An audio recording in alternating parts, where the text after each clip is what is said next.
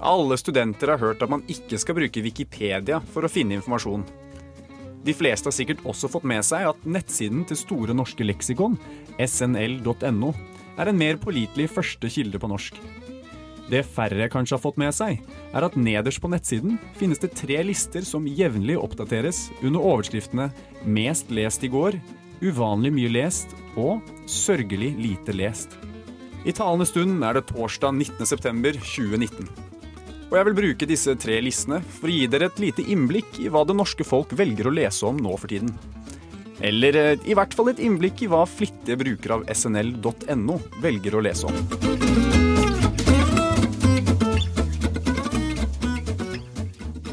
Siden det nylig har vært kommunevalg, vet jeg ikke om det er fint eller urovekkende at første artikkel under Mest lest i går rett og slett heter Demokrati. Vi gjøres oppmerksom på forskjellen mellom direkte og indirekte demokrati, og minnes på at Norge har hatt innslag av direkte demokrati gjennom fem nasjonale folkeavstemninger. Avstemningen om norsk selvstendighet i 1905 og om monarki samme år. Innføring og oppheving av brennevinsforbudet i henholdsvis 1919 og 1926. Og medlemskap i EF i 1972 og EU i 1994. Vi har alle lært at demokratiet først oppsto i oldtidens Hellas. Og da er det kanskje naturlig at det også var mange som leste om Aristoteles i går.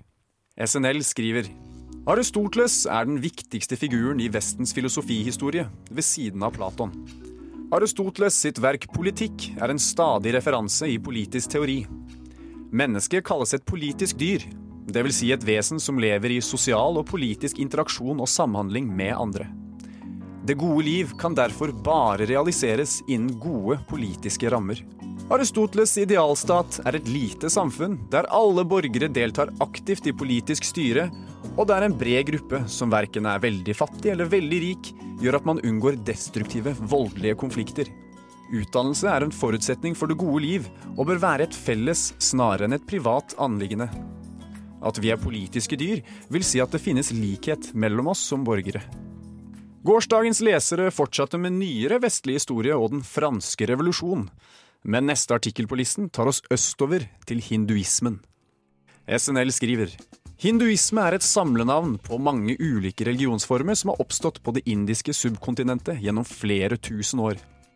Hinduismen som sådan har ingen begynnelse som kan festes til tid og sted, men brukes som et samlenavn på en mosaikk av religiøse tradisjoner, ideer og praksiser. Hinduismen har ingen stifter, trosartikler eller fast organisert lederskap, men mange av de tradisjonene den er sammensatt av, har både stiftere, enhetlig lære, autorative tekster og sterke organisasjoner. Andre religioner som har oppstått i India, jainismen, buddhismen og sikhismen, forholder seg til andre stiftere, tekster, trosartikler og lederskap enn de religiøse organisasjonene som inkluderes under betegnelsen hinduismen.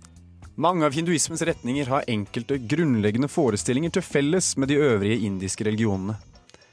Dette gjelder først og fremst forestillingen om gjenfødsel og karma, og at det endelige målet for det religiøse liv er å oppnå frigjøring fra gjenfødslenes rundgang. Tilbake til listene våre forblir hinduismen som tema under kategorien uvanlig mye lest.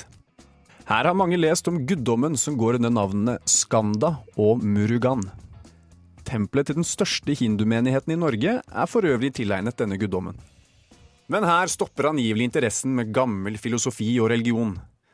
Med mindre du er religiøst opptatt av norsk design, siden det er uvanlig mange som har lest om Benny Motsfeldt, kvinnen som inspirerte en ny generasjon med norske glasskunstnere på 60-tallet, og ble utnevnt ridder av første klasse av Den kongelige norske St. Olavs orden.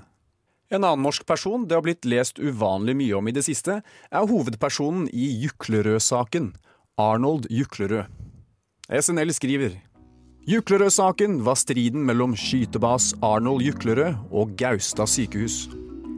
Juklerød var tvangsinnlagt på Gaustad sykehus i 1971 til 1972, og igjen fra 1974, med diagnosen paranoia, noe han selv bestred sterkt. Da han ble utskrevet i 1985, nektet han å avslutte sitt opphold ved sykehuset, i protest mot diagnosen og det han oppfattet som skadelig psykiatrisk behandling. Frem til sin død i 1996 oppholdt han seg på Gaustad sykehus område mot sykehusets vilje. Dels i telt, dels i en brakke utenfor inngangen til velferdsbygget, dels i byggets korridorer. Han anla sak mot sykehuset for å få tvangsinnleggelsene fra 1971 og 1974 kjent ugyldige, men tapte. Juklerød-saken fikk betydelig omtale og bidro til å rette oppmerksomhet mot psykiatriske pasienters situasjon. Den førte med seg styrking av rettsvernet for psykiatriske pasienter, bl.a. gjennom lettere adgang til journalinnsyn og mer pågående kritikk fra opinionen av lukkede psykiatriske systemer.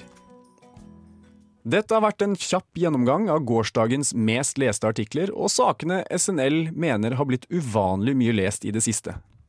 Hvorfor akkurat disse artiklene har vært så populære akkurat nå, inviterer jeg dere til å svare på. Men før vi avslutter, vil jeg veldig gjerne hjelpe vårt kjære leksikon med å promotere noen artikler som ligger i kategorien sørgelig lite lest. Så neste gang du føler en trang for å lære noe nytt, kunne du kanskje søkt på Vera Rubin, den amerikanske astronomen som bidro med en av de viktigste oppdagelsene om mørk materie i universet. Eller Kari Schønsberg, som var en av de viktigste stemmene i oppbyggingen av barnelitteratur som forskningsfelt i etterkrigstiden i Norge. Eller om det ikke faller i smak, kan du rett og slett lære om fysikkens historie.